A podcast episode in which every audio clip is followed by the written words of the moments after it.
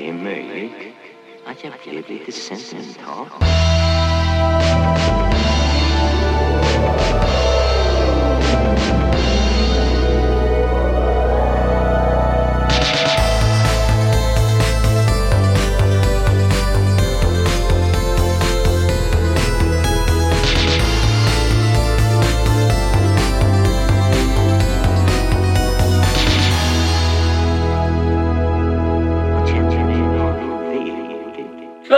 Prata om Sara? Jo, men jag har varit på en musikalisk resa. och det är det jag tänkte prata om. Eh, och det var väl avsnitt två va, som jag pratade om att jag hade lyssnat på Vivaldi väldigt mycket. Ja, just det. Eh, och det har jag fortsatt att göra. Ehm, men som jag sa då också så kan jag inte jättemycket om eh, klassisk musik överhuvudtaget. Och då tänkte jag att jag liksom skulle ta tillfället i akt att eh, bilda mig lite helt enkelt. Ehm, Så en kille som är musiker inte behöver skriva in till DNs eh, någon, någon relationsspalt och bara så här, det är så pinsamt. Min tjej vet ingenting om musik. Typ Kristin bara. ja, exakt. Eh, nej men, och då eh, hittade jag den här eh, boken som heter Den andra musiken eh, som Nicolas Ringskog Fradanoli har skrivit. Mm. Det är också han som är bror till Caroline i En varg söker sin podd Mm. som man kanske känner till. Och DN-kritiker. Exakt. Ehm, och den är superbra. Men jag tänkte bara börja med att fråga, har du sett den här filmen som heter Educating Rita? Nej, Ehm, aldrig hört om. nej. Eh, alltså, Det är inte den filmen som du har tipsat om flera gånger som jag inte hunnit se nu, om de här syskonen som Nej, jag kommer till den Busted. Precis. Men, men det här, eh, det är en så härlig film från typ 80-talet eh, där Michael Caine spelar en så här, litteraturprofessor. Gud vad han aldrig har spelat något annat. jag vet. Jag vet. Eh, nej men, och han då tar in en så här ung arbetarklasstjej på en så här kvällskurs. eh, Mm, det är lite eh, My Fair Lady-upplägg. Exakt. Eh, jag rekommenderar den verkligen. Alltså, den, är, den är otroligt kul. Jag tänker apropå det du precis pratade om med eh, alltså kulturellt kapital och så. Eh, så är det typ det, är typ det den filmen handlar om helt enkelt. Alltså hur deras världar krockar. Borde ju vara med skriva manuset. Ja, precis. Men det är så himla roligt för att hon, ja, men hon gör väl som en liten eh, resa helt enkelt. Hon börjar plugga litteratur. Hon är så här 26 år och jobbar som frisör och typ så här kedjeröker. Eh, men sen så börjar hon liksom så sakta komma in i den här världen. Det leder till massa konflikter och så. Eh, men sen så får hon göra då slut med sin kille och flyttar ihop eh, med någon annan tjej. Men Michael Caine trodde jag att det skulle Nej, nej. De har, de har ingen sån eh, eh, liksom kärleksrelation. Så. Eh, men det är så kul för det första som händer när den här eh, roomien då öppnar dörren är att det så här strålar ut eh, maler. Eh, musik och så bara öppnar hon och säger så här Wouldn't you just die without Mahler? Då vet man att man har kommit rätt. Ja, men grejen är att sen lite senare i filmen så eh, gör hon ett självmordsförsök, den här tjejen. Och jag Alltså tänk- grannen eller? Ja men den här roomien då. Mm. Eh, och jag, blir bara, jag kommer att tänka på det när jag liksom bara så här. Vem älskar inte Vivaldi? det vill kanske bli så famous last words. ja, Ja, just Vivaldi känns väl... Han är så levnadsglad så... ja, men kanske. Men jag har ett jättesånt tydligt minne när jag var firade påsk hos dig och Christian i, i våras. Mm. Um, Den ökända kvällen. jag har aldrig blivit så full i hela mitt liv. Nej men typ inte jag heller. Alltså. Eller i alla fall inte sen jag var typ 15. Eh, men då när jag kommer till er lägenhet så bara strömmar Bach från den. Ja, just det. För Christian har någon grej att man ska lyssna på typ så här Matteus passionen eller vad det nu är. Ja. Ja, men det är väl en påskgrej liksom. Ja. Och då var jag verkligen så här, vi har kommit till ett bildat hem. Men gud, jag måste klämma in eh, anekdoten. Du har redan hört den, men, men jag känner apropå Matteus eh, passionen och klassisk musik. Ehm, Den här är bra. ja men som sagt, Christian har något förhållande till Bach och vad jag tror var Matteuspassionen eller Johannespassionen. Ja, men det är väl, alltså Matteus det är väl påsk... Ja, ja men då så, då var det den. Men grejen är att han hade då spelat upp en massa musik för mig innan och bara det här är det vi ska lyssna på. Och då visade det sig att det var inte Matteuspassionen utan jag tror att det var Johannespassionen. Så han hade liksom blandat ihop de två. Mhm. Så vi hade liksom lyssnat in oss på då den andra passionen jättemycket. Eh, och sen så kommer vi dit och det är då i domkyrkan i Uppsala. Eh, och börjar lyssna och det här är, alltså den kanske är typ tre timmar lång den här konserten. Mm. Eh, och man sitter ju i träbänkar. så det var Lutherska träbänkar. Lutherska träbänkar. Eh, men till saken hör att så här, jag ser min handledare Anna Williams på, vägen, på vägen in i kyrkan. Bara, Och hennes man Henrik Williams va? Precis. Och bara så här, så här hej och bara gud vad trevligt liksom. Och sen så går vi och sätter oss och så visar det sig att vi hamnar typ så här precis kanske, ett, kanske en eller två bänkar framför dem liksom, bara av slump. Så att jag vet hela tiden att Anna Williams sitter typ precis bakom mig och liksom ser mig. Eh, och vi lyssnar och vi lyssnar och vi lyssnar och så här du vet, vi känner inte igen typ en enda låt. Eller så här, något kanske man känner igen men liksom, det var inte det vi hade förväntat oss. Förväntat oss. Och så när det är typ så här, det har gått två och en halv timme så börjar liksom en, en låt, jag kan inte namnet i huvudet, men de sjunger typ så här Rotvoll på tyska. Eh, visste inte vad det betydde då, men jag tror det be- betyder typ så här vår frälsare eller någonting. Alltså ish. Jag, jag kan se, efter några veckor på tyska kursen jag ska läsa så Ja. kanske jag kan reda ut det. Ja, men det tycker jag. Ehm, nej, men och liksom...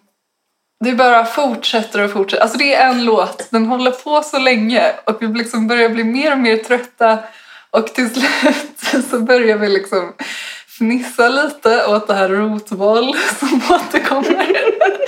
Och du vet ju hur det är när man är i ett sammanhang där man inte får skratta. Gud ja. Och det är liksom, det tar inte slut, vi kan inte titta på varandra. Eller Jag, jag omöjligt om man är två också. jag börjar skratta så mycket så att jag typ så här, jag är tvungen att lägga mig dubbelvikt, alltså med huvudet mellan benen för att jag liksom inte ska störa någon annan. Det är liksom på den nivån. Och folk omkring oss börjar typ så här hyscha och så titta irriterat. Men det går inte, alltså jag kan inte sluta. Alltså det är bara fysiskt omöjligt. Vi får liksom så här, Ja, men det, är som, det är som när man hostar typ. Alltså, man, kan inte, man kan inte sluta hosta bara för att eh, man nej. inte får. Ja men ända sedan dess har jag tänkt att det var liksom dagen. Såg, och Anna Williams och Henrik såg er. Ja men det måste de ha gjort. Alltså det var ju vi som drog uppmärksamhet till oss på den konserten. Och jag bara alltså jag skämdes så extremt mycket. Alltså jag menar jag skämdes över att jag liksom hulkade av skratt under en så jättefin konsert. Men bara att jag visste att min handledare till min masteruppsats satt bakom så kände jag bara att jag liksom gjorde bort mig totalt verkligen. Ja, men jag kan tänka mig att typ alla som bodde på Övre Slottsgatan var där. Ja. Ah, de vill man ju inte göra bort sig inför. Nej. Ja, nej men det var, det var bara en sido... Ja, men det, det är väldigt... Eh, jag skrattar så mycket varje gång. Ja. Eh, nej men och sen så såg jag om den här filmen som eh, vi pratade om. eh, eller som jag vill att du ska se. Eh, det är en film som heter Hillary and Jackie från 98. Eh, som handlar om två syskon som växer upp och båda blir så professionella musiker. Den ena spelar cello och den andra spelar flöjt. Eh, och typ Emily Watson, eh, hon spelar den här Jacqueline Dupré som den är baserad på och gör verkligen en fantastisk skådespelarinsats. Eh, och jag ska absolut inte spoila någonting i den här filmen för att den måste man bara se. Alltså den tar så många vändningar så att jag ska liksom inte eh, toucha på någonting som händer i filmen. Ehm, men den här Jacqueline Dupré blev eh, dels baserat på verklig händelse. Hon blev ju en jättekänd cello... Vad säger man? Cellist? Mm. Ja. Ehm, och det var också för att hon var liksom så himla så här inlevelsefull och typ så här, alltså hon rörde på armarna så här jättestort. Vad spelar hon då? Eh, ja, alltså massa olika saker men hon är mest känd för att spela en kompositör som heter Edward Elgar.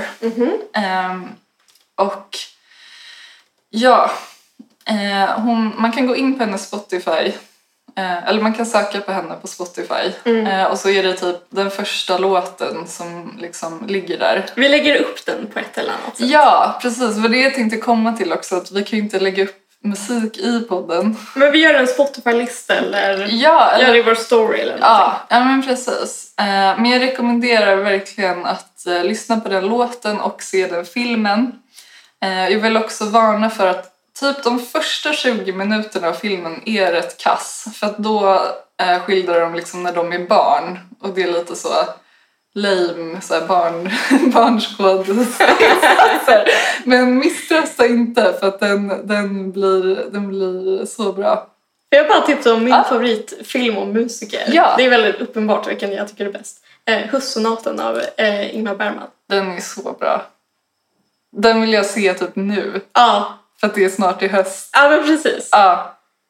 Ja, gud. Och, alltså Ingrid Bergman är så fruktansvärt Oliver Ullman såklart men eh, de mot varandra. Alltså det är bara, det finns inget bättre typ. Mm. Ja, men jag vet att det skar sig ganska mycket mellan, mellan Ingrid och Ingmar för att Ingrid hade mycket mer så amerikansk skådisstil. Och de hette både Bergman. Men som sagt. Ja. Eh, men jag tycker att det är otroligt. ja. Visst är det i den som också typ Lena Nyman spelar den här systern? Som... Ja, hon spelar en, ska man säga, en, en sjuk eh, syster. Mm. Ehm, Ja. ja. ja. Men jag älskar Det- också, det också- Lena Nyman. Så det är bara ja, men här, precis. Det är alla, det är alla, det är många bra liksom, skådisar ur olika generationer. Precis. Det är också... Jag vet, där spelar de ju mest Chopin och sådär men det är ju Mm. också några underbara stycken. Ja, verkligen. Nej men och det är också intressant att vi, alltså både att vi, du och jag pratar så mycket om film för jag tänker att alltså många typ så klassiska verk känner man ju till just genom filmer. Mm. Eh, och det kanske också är många gånger en så första möte med klassisk musik, alltså om man inte så aktivt lyssnar på det själv liksom. Eh, jag tänker också på du vet Lars von Triers Melancholia Mm. så spelar de ju jättemycket Wagners Tristan och Isolde. Jaha, det... Jag har inte tänkt på. Men det är... Ja, kul! Precis, nej för jag lyssnade på det igen då i och med den här boken och så här, från första tonen jag bara ja gud det är från Melancholia och jag älskar den filmen. Eh, så det är verkligen som, ja, men typ som ett luktminne, alltså att man kommer ihåg filmer liksom. Ja men det är verkligen, alltså... Det är precis samma liksom intuitiva grej som går igång igen. Ja, ja precis. Jag hade också...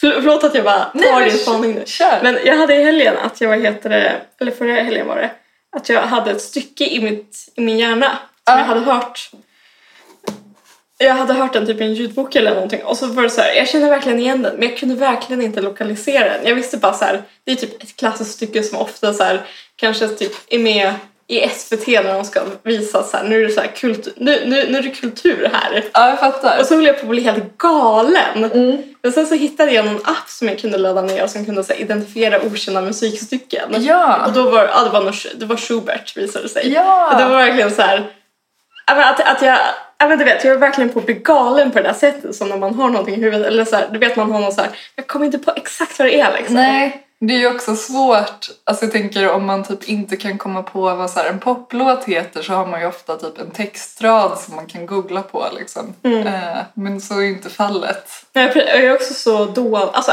om jag skulle sjunga den för någon, alltså, det skulle, alltså nynna den, liksom, Ja. skulle inte Nej. inte bli så lyckat tror jag. Nej, precis. Men, Eh, men det, jag tyckte bara att det sa så himla mycket om så här, musik och så här, klassisk musik, att det, är Mm. så här, att det är så himla intuitivt. Ja, men verkligen. Ehm, ja, men, men tillbaka då till den andra musiken-boken. Ehm, det är lite som en typ så här beginners guide till klassisk musik. Ehm, och han skriver liksom en verkligen inte på näsan utan han typ så här lyfter verkligen typ verk som han personligen tycker om. Och så finns det då Spotify-listor Eh, till varje kapitel så att man kan hänga med.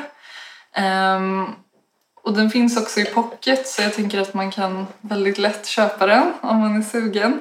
Eh, dock tar det ju väldigt lång tid att läsa den, alltså inte på grund av eh, texten utan för att många klassiska verk är ju kanske så en 20 minuter långa. Och i och med att han nämner ett verk per sida så blir det ju liksom verkligen att man måste stanna upp. Eh, så jag tror det tog mig ändå så här en god vecka att liksom bara lyssna igenom all musik. Och så blev det så att man kanske läste en sida och sen så typ gick man och diskade medan man liksom lyssnade på den här långa symfonin eh, samtidigt. Så det är lite så här speciellt ändå. Ehm, men sen så har han ett så här väldigt intressant första kapitel där han skriver om så här problemet med klassisk musik. Eh, som jag tänkte Eh, läsa lite ur. Eh, eh, så här. Eh, vad är klassisk musik? Även den som inte lyssnar på klassisk musik eller är musikintresserad överhuvudtaget har en uppfattning. Associationer som innefattar gamla violiner, blänkande flyglar, män i svart kostym och kvinnor i långklänning. Passionerat gestikulerande dirigenter, en publik som är äldre, vitare och mer välbärgad än den genomsnittliga konsertpubliken. Musik av gubbar som levde för hundratals år sedan, en sinnebild för det gamla Europa.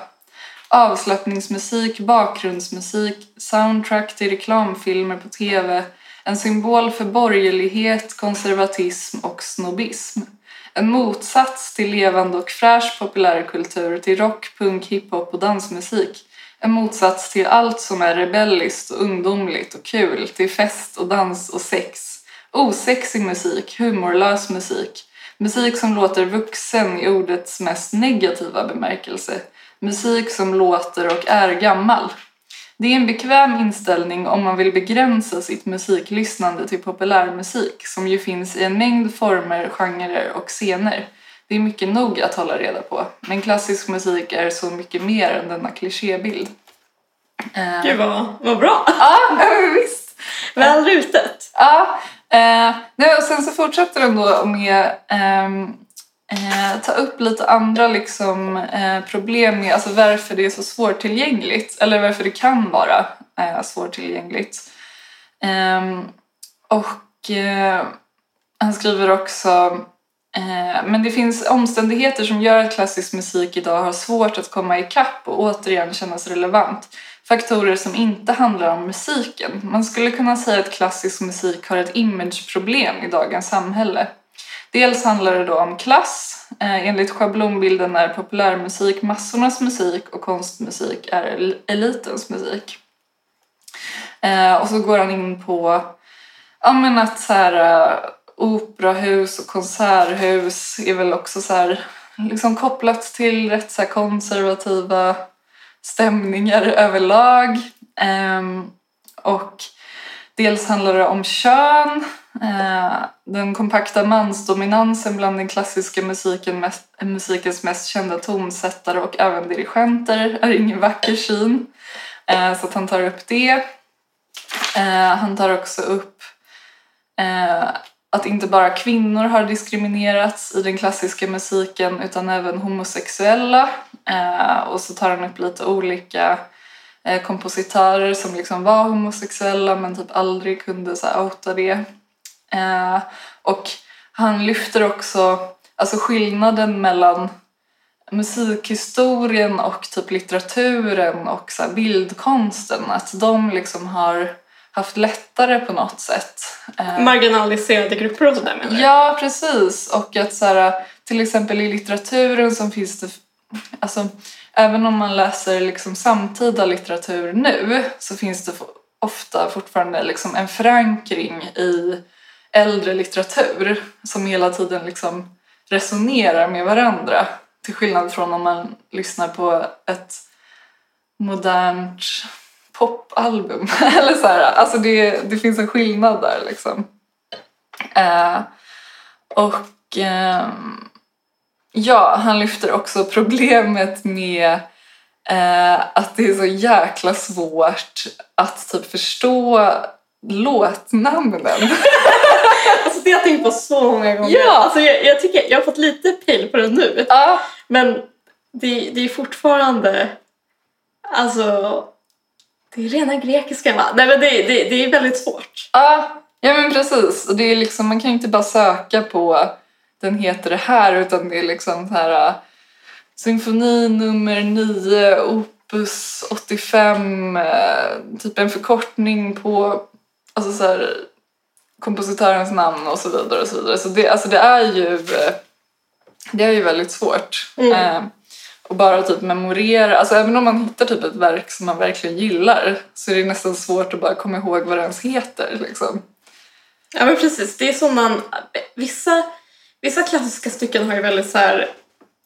Har ju i, folk, i folkmun, alltså så här enkla namn, typ så här Månskenssonaten och sånt där. Det, är Ja. väl, det, det visar väl liksom svårigheten i att bara eh, döpa någonting till vad som är typ ett wifi lösenord ungefär. Ja men precis. Eh, men jag har en annan eh, invändning. Mot, mot klassisk musik eller mot... Eh, nej, men Det- mot varför det är också kan vara svårtillgängligt. Mm. Eh, som han inte tar upp. Och det är omslagen. omslagen till klassisk musik är så jävla fula, cringiga och bara hemska. Jag vet inte om jag håller med, men intressant. Men jag ska visa dig några, för jag har ändå gått igenom kanske hundra verk nu i Ja. den här boken. Jag ska visa dig några exempel eh, och det här tänker jag också kommer lägga ut på vår Instagram eh, så att folk kan få ta del. Men här har vi till exempel en så här Ja, det där är ingen... finnig eh, kille i frack. Man, man förstår att det är ett underbarn vad gäller att spela... Bach? Eh, nej, jo det är det. Ja. Eh, Men någon, någon beauty queen, äh.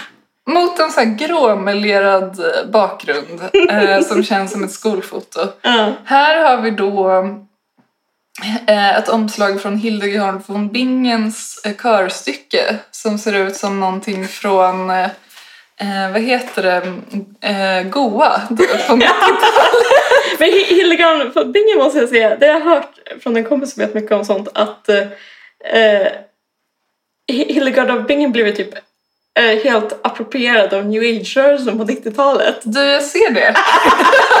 Så därför är typ alla omslag exakt sådär. Men det är, alltså, det är Ja, så det ser för jävligt ut. Eh, här har vi också någon eh, som spelar Brahms som ser ut som en... Uh, Han ser ut som Runar lite. Ja, eh, också typ, jag tänker så här romance-omslag från 80-talet. Ja, verkligen. Eh, Vad hette den här mo- modellen? Vet han Fabian?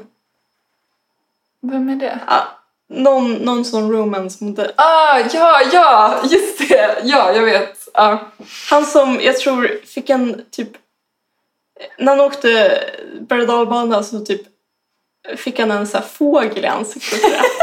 alltså, han, han är mycket känd för det tror jag. Ah, okej. Men skitsamma. Men ja, jag, alltså det var ju fruktansvärda omslag verkligen. Eh, jag har också fler, men, men jag har inte tid att... Men är, är, är det att musiker inte är så liksom... Nej, men min spaning är bara att klassisk musik som genre behöver typ en art director. Ja, som kan hotta upp de här omslagen. Eh, alltså mycket ges ju ut från det här Deutsche Grammophon, Geselle, eller vad det heter, Geschäft. Eh, Och det är liksom inget fel med den inramningen. Men, men just de här cringiga foton på folk som håller typ i en uh, fiol känns sådär liksom. Det känns som att det kan också vara många så fula naturbilder som känns så här, någonting som Ah, Alltså kanske ett alplandskap som de har fått upp när de har googlat eh, alplandskap. exakt, precis. Ehm, ja. Uh, men så, jag ska liksom inte gå igenom hela boken men jag tänkte bara uh, bjuda på några roliga inslag helt enkelt. Uh, Ja, vad kul! och det första är bara, det handlar då om Debussy, en kompositör, eh, som eh, har gjort ett eh, verk som heter Syrinx, eh, som är på tvärflöjt. Eh, Du men- återkommer till dina tvärflukter. Ja, jag kan inte lämna tvärflöjten. Eh, men då bjuder han på en sån liten mytologisk anekdot om hur panflöjten kom till. Mhm. Eh, Eh, Syrinx var enligt den grekiska mytologin en nymf som blev föremål för skogsguden Pans erotiska intresse. Hon drog sig undan, men han jagade efter och då började det verkliga dramat, metamorfosen. Hon flydde till floden Ladon i Arkadien där hon med najadernas hjälp förvandlades till vassrör för att undkomma förföljaren. När vinden blåste genom vassen hördes ett vackert ljud. Pan kom dit och förstod vad som hade skett. Han skar av några vassrör, band ihop dem och blåste på dem som en flöjt. På så vis lyckades han ändå erövra Syrinx i någon mening och panflöjten var född. Golvad. Ah, visst är det fint? Superfint. Ja. Det där måste ju finnas med i metamorfoser, alltså videos, eller? ja, jag antar det. Men jag har inte läst det Nej. själv. Jag älskar såna. Man, man älskar när man bara får höra en så här god mytologisk anekdot. Ja, det är jättehärligt. De var så bra på det. Alltså så här, de klassiska... Ja, men att de bara har liksom tänkt ut typ så här. Här har vi en panflöjt. Och så bara, hur kom den till? Alltså, jag vet inte, det var kul att tänka på liksom. Ja, men själv har man verkligen aldrig tänkt så här. Hur kom den där? Alltså eh, om, om ett instrument. Nej men precis. Eh, ja, nej, men han går igenom då olika genrer eh, som typ kammarmusik och så vidare. Jag kom fram till att kammarmusik var verkligen ingenting för mig. Inte? Nej, det var tråkigt Jaha. tycker jag. Jag känner mig, jag känner mig kränkt för jag... Ah, okej. Ja, men det... Nej, nej. Jag ska, jag ska inte säga något, men... Nej. Nej, nej. Nej, men det var, jag vet inte, det kanske finns saker jag skulle gilla men inte det som, som var med här i alla fall.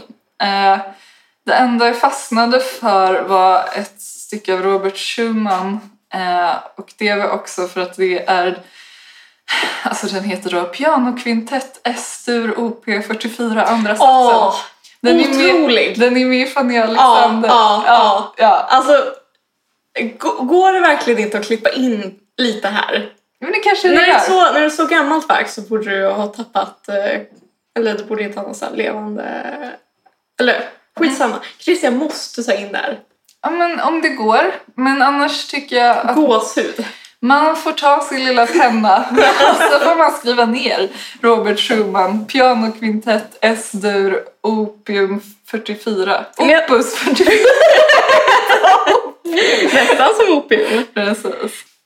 Men ja, jag, jag tror att det var därför jag tog illa vid mig när du bara kammarmusik är inget för mig. Nej men jag, det här var det jag tyckte om. Ja.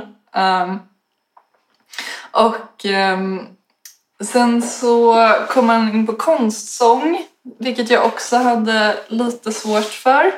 Eh, det är ju ett ganska speciellt format eh, ändå. Mm. Ehm, men sen kom jag till eh, stycket om den finska kompositören Jean, Jean Sibelius, tror jag man säger. Mm. Eh, och det som var intressant är att han skrev ju då både på finska och svenska. Eh, och jag lyssnade på hans Flickan kom ifrån sin älsklings möte. Och då fick jag bara en sån liksom, eh, revelation att så här, men det är ju på svenska så jag förstår vad de sjunger. För att annars är det ju alltid på tyska eller italienska eller någonting. Ja, det, det ställer alltid till det lite i huvudet när det är på svenska tycker jag. Nej men jag blev helt så här äh, golvad typ av den Ja. i alla fall. Eh, för att det blev ett sån, en sån annan grej. Alltså om man lyssnar på, alltså jag, jag kan liksom inte tyska eh, och man lyssnar på något sånt, man kan ju absolut uppskatta det för att det är vackert och man kanske känner till typ så här, det här är typ det det handlar om liksom. Mm. Men det blir ju inte samma grej när man inte förstår orden tänker jag. Nej men precis. Ofta, förr så översatte man väl ofta libretton och sådär. Jag vet inte hur det är nu. men- Ibland gör man väl det. Jag har varit på någon opera där det var liksom som textat. Ja. Men det är ju fortfarande inte samma sak. Alltså, Nej, då precis. är, översätter man det ändå i huvudet på något sätt. Ja men precis. Jag tror typ, har du sett Ingmar Bergmans Trollflöjten? Den är ju på svenska. Ja. Men jag typ, alltså det tog mig typ en tid att fatta det. Ja. För att jag tycker ofta när man så lyssnar på klassisk musik så tänker man bara är något så här, Ja, det är något europeiska. ja, ja, precis. Och sen så hörde man bara så här, på svenska. Ja. Men det, det liksom sätter en annan ton så att säga. eh, nej men och sen kom jag även fram till Richard Strauss. Eh, vi, nu ska vi se om jag kan uttala det här. Wir läste Lieder. Eh, och det betyder ungefär de fyra sista sångerna. Mm. Och han skrev dem när han var 84 år gammal. Och sen så dog han året efter. Så det var verkligen de sista sångerna. Det var inget han bara drog till med. Nej, eh, och de var jättefina och det som jag uppmärksammade var också att det var liksom den enda kvinnliga sångerskan i hela boken som var svart. Eh, hon heter Jessie Norman, eh, så henne kan man också söka på, på Spotify. Det är också typ den första låten som kommer upp. Eh, och det är också typ ett av de omslagen som inte känns töntiga utan hon är bara stencool. Liksom. Du får lägga upp det omslaget också som en, så här, Ja. en kontrast till alla de hemska eh, tonårs... Eh, alltså child wonder-omslagen. Ja men exakt. Eh, nej men så de fastnade jag jättemycket för också. Hon sjunger supervackert och det, det är väldigt fint. Men sen så kommer han in då på symfonierna Eh, och skriver om kompositören Felix Mendelssohn. Och jag har en invändning här eh, mot hans beskrivning eh, som jag måste läsa upp. Okej, så här skriver då Nicolas om Felix Mendelssohn. Hans symfonier, symfonier provocerade mig länge eftersom de mer kändes som präktiga stiluppvisningar än som personliga uttryck. Jag menar, en av hans fem symfonier är en lovsång med maffig kör och allt till uppfinningen av tryckpressen komponerad till 400-årsjubileet av denna. Så fattig inspirationskälla. Hur ska man bli berörd av sån musik? Och jag känner bara, vadå, det låter ascoolt. Ja, gud ja. Alltså som bibliofil vill jag ändå slå ett slag för uppkomsten av tryckpressen. Det är verkligen värt att skriva en symfoni om. Ja, och sen så, han skriver inte heller vad den heter. Så jag, jag har liksom inte, jag har inte lagt ner jättemycket arbete på att söka efter den här. Men, men han har liksom inte med den i listan. Mm. Men jag blir skitsugen på att höra en symfoni om tryckpressen. Ja, gud ja. Det låter ju helt fantastiskt. Ja, Alltså det är väl nog så bra som att skriva en symfoni om, vad kan det vara, Napoleonkriget eller någonting. men precis. Eh, nej, men någon annan sak som han tar upp är ju att eh, alltså, under andra världskriget så var det ju jättemånga så här, judiska kompositörer som var tvungna att fly till Amerika. Eh, och där plockades de ju upp av Hollywood på 40-talet. Eh, så det är jättemånga så här stora eh, judiska kompositörer som fick göra jättemycket filmmusik Just det. eh, under 40-talet. Och till exempel en av dem heter då Bernard Herrmann eh, och han skrev musiken till Alfred Hitchcocks eh, Vertigo. Eh, och den låten heter Send Amour och den är också super, superduper fin. Eh, så det är lite intressant. Eh, men jag ska nu koka ner liksom, min upplevelse av det här till mitt största tips ur hela den här boken. Han kommer då i slutet in på liksom samtida-ish eh, liksom konstmusiker då. Och det är en artist som heter Wim Mertens eh, med W från Belgien. Och han lever fortfarande. Eh, och han har gjort två låtar som jag blev helt tagna av. Den ena heter Struggle for Pleasure. Och det är verkligen som en poplåt fast med liksom helt klassiska instrument och det är fortfarande liksom orkestralt. Eh, men när jag liksom hör, och den är från 87 tror jag. Och det är verkligen så man kan tänka att så här, det här skulle kunna vara typ en ABBA-låt eller någonting alltså i bara själva melodin. Eh, men sen så är det ju ändå inte det liksom. Eh, och om det är någon som till exempel gillar Kate Bush där ute, vilket jag gör, och Moa också gör, eh, så har han gjort en annan fantastisk låt som heter Maximizing the Audience. Eh, Med Kate Bush, eller? Nej, alltså det är någon annan kvinna, det står inte vad hon heter så jag vet inte. Men det är väldigt likt. Den är så jättehittig och svängig. Men det som är intressant är att kvinnan som sjunger sjunger på ett hittepåspråk. Eh, och det kan man ju tycka låt, alltså det verkar lite så konstigt liksom. Men när man hör låten så låter det inte alls konstigt utan det är bara så, så jäkla bra. Så det är det jag tar, eller den artisten som jag faktiskt tar liksom mest ut ur det här är Wim Mertens. Ehm, och ja, men, men även fast jag liksom har gått igenom allt det här så är jag är ju fortfarande fast eh, i Vivaldi. Svårt att inte vara. Men där har du väl också ett dundertips apropå... ja, Eller förlåt. Nej men det var exakt det jag skulle säga. Att det finns en samtida kompositör som heter Max Richter. Och han har också gjort eh, musik till jättemycket filmer och serier. Bland annat den här um, eh, My Brilliant Friend av Elena Ferrante som kom på HBO. Eh, Det har han till exempel gjort soundtracket till eh, som är superbra. Men han har alltså gjort en omkomposition av de fyra årstiderna. Eh, Så att han har behållit ungefär 75% av liksom originalverket och sen ändrat om lite. Och det, alltså det är kanske typ det bästa jag har hört. alltså, jag vet inte, jag brukar inte så här slänga mig med ord som mästerverk speciellt ofta. Men, men det här är liksom jag lyssnade lite på din inrådan när jag åt lunch idag för Ja. att jag, jag visste vad som komma skulle och sådär och det var, det var super verkligen. Ja, skönt att du tyckte det. Jag lyssnade på våren då. Ja, det är ju typ det mesta tycker jag också. ehm, eh, av dem. Jag eh, och Christian satt häromdagen och bara lyssnade igenom det hela albumet. Alltså typ som att man skulle se på en film fast istället så hade vi bara på Spotify och liksom tog oss igenom det albumet. Eh, och var bara så här. Jag hade ju lyssnat på det innan men det hade inte han och han var bara så helt golvad liksom. Eh, Låg och det- grät i en pöl. Så. Ja, ja precis. Men det är väl ett ganska snyggt omslag? Det är det verkligen. Absolut. Det är ju så här olika färger för typ de olika årstiderna. Mm. Eh, så det, är- det är toppen. Eh, så jag, ja, jag försöker länka allt och sådär på, på Instagram. Ehm, Vi kanske får en Spotify. Det är också rimligt om vi gör det, bara generellt. Ja, faktiskt. Det kan vi göra. Ehm, men en annan grej som jag kom att tänka på är att eh, den här boken tar inte upp eh, opera eller teatermusik överhuvudtaget för att han menar att det skulle bli, alltså det skulle behöva en hel till bok liksom för att, för att rymma det. Men vi har ju faktiskt en bekant som jag tror kan jättemycket om opera. Eh, Så jag tänker att vi kanske någon gång kan bjuda in henne så får hon prata om det.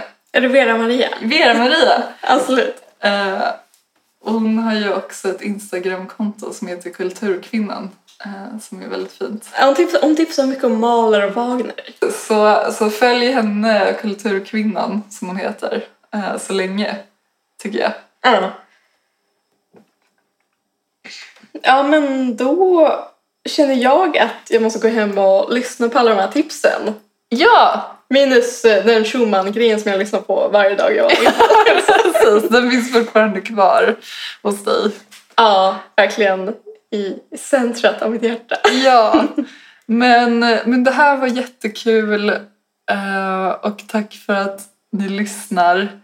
Och ni får jättegärna följa oss på Instagram också. Ja, och eh, sprida ordet och så vidare. Ja, så hörs vi snart igen. Det gör vi. Hej då! Det är möjligt att jag blev lite sentimental.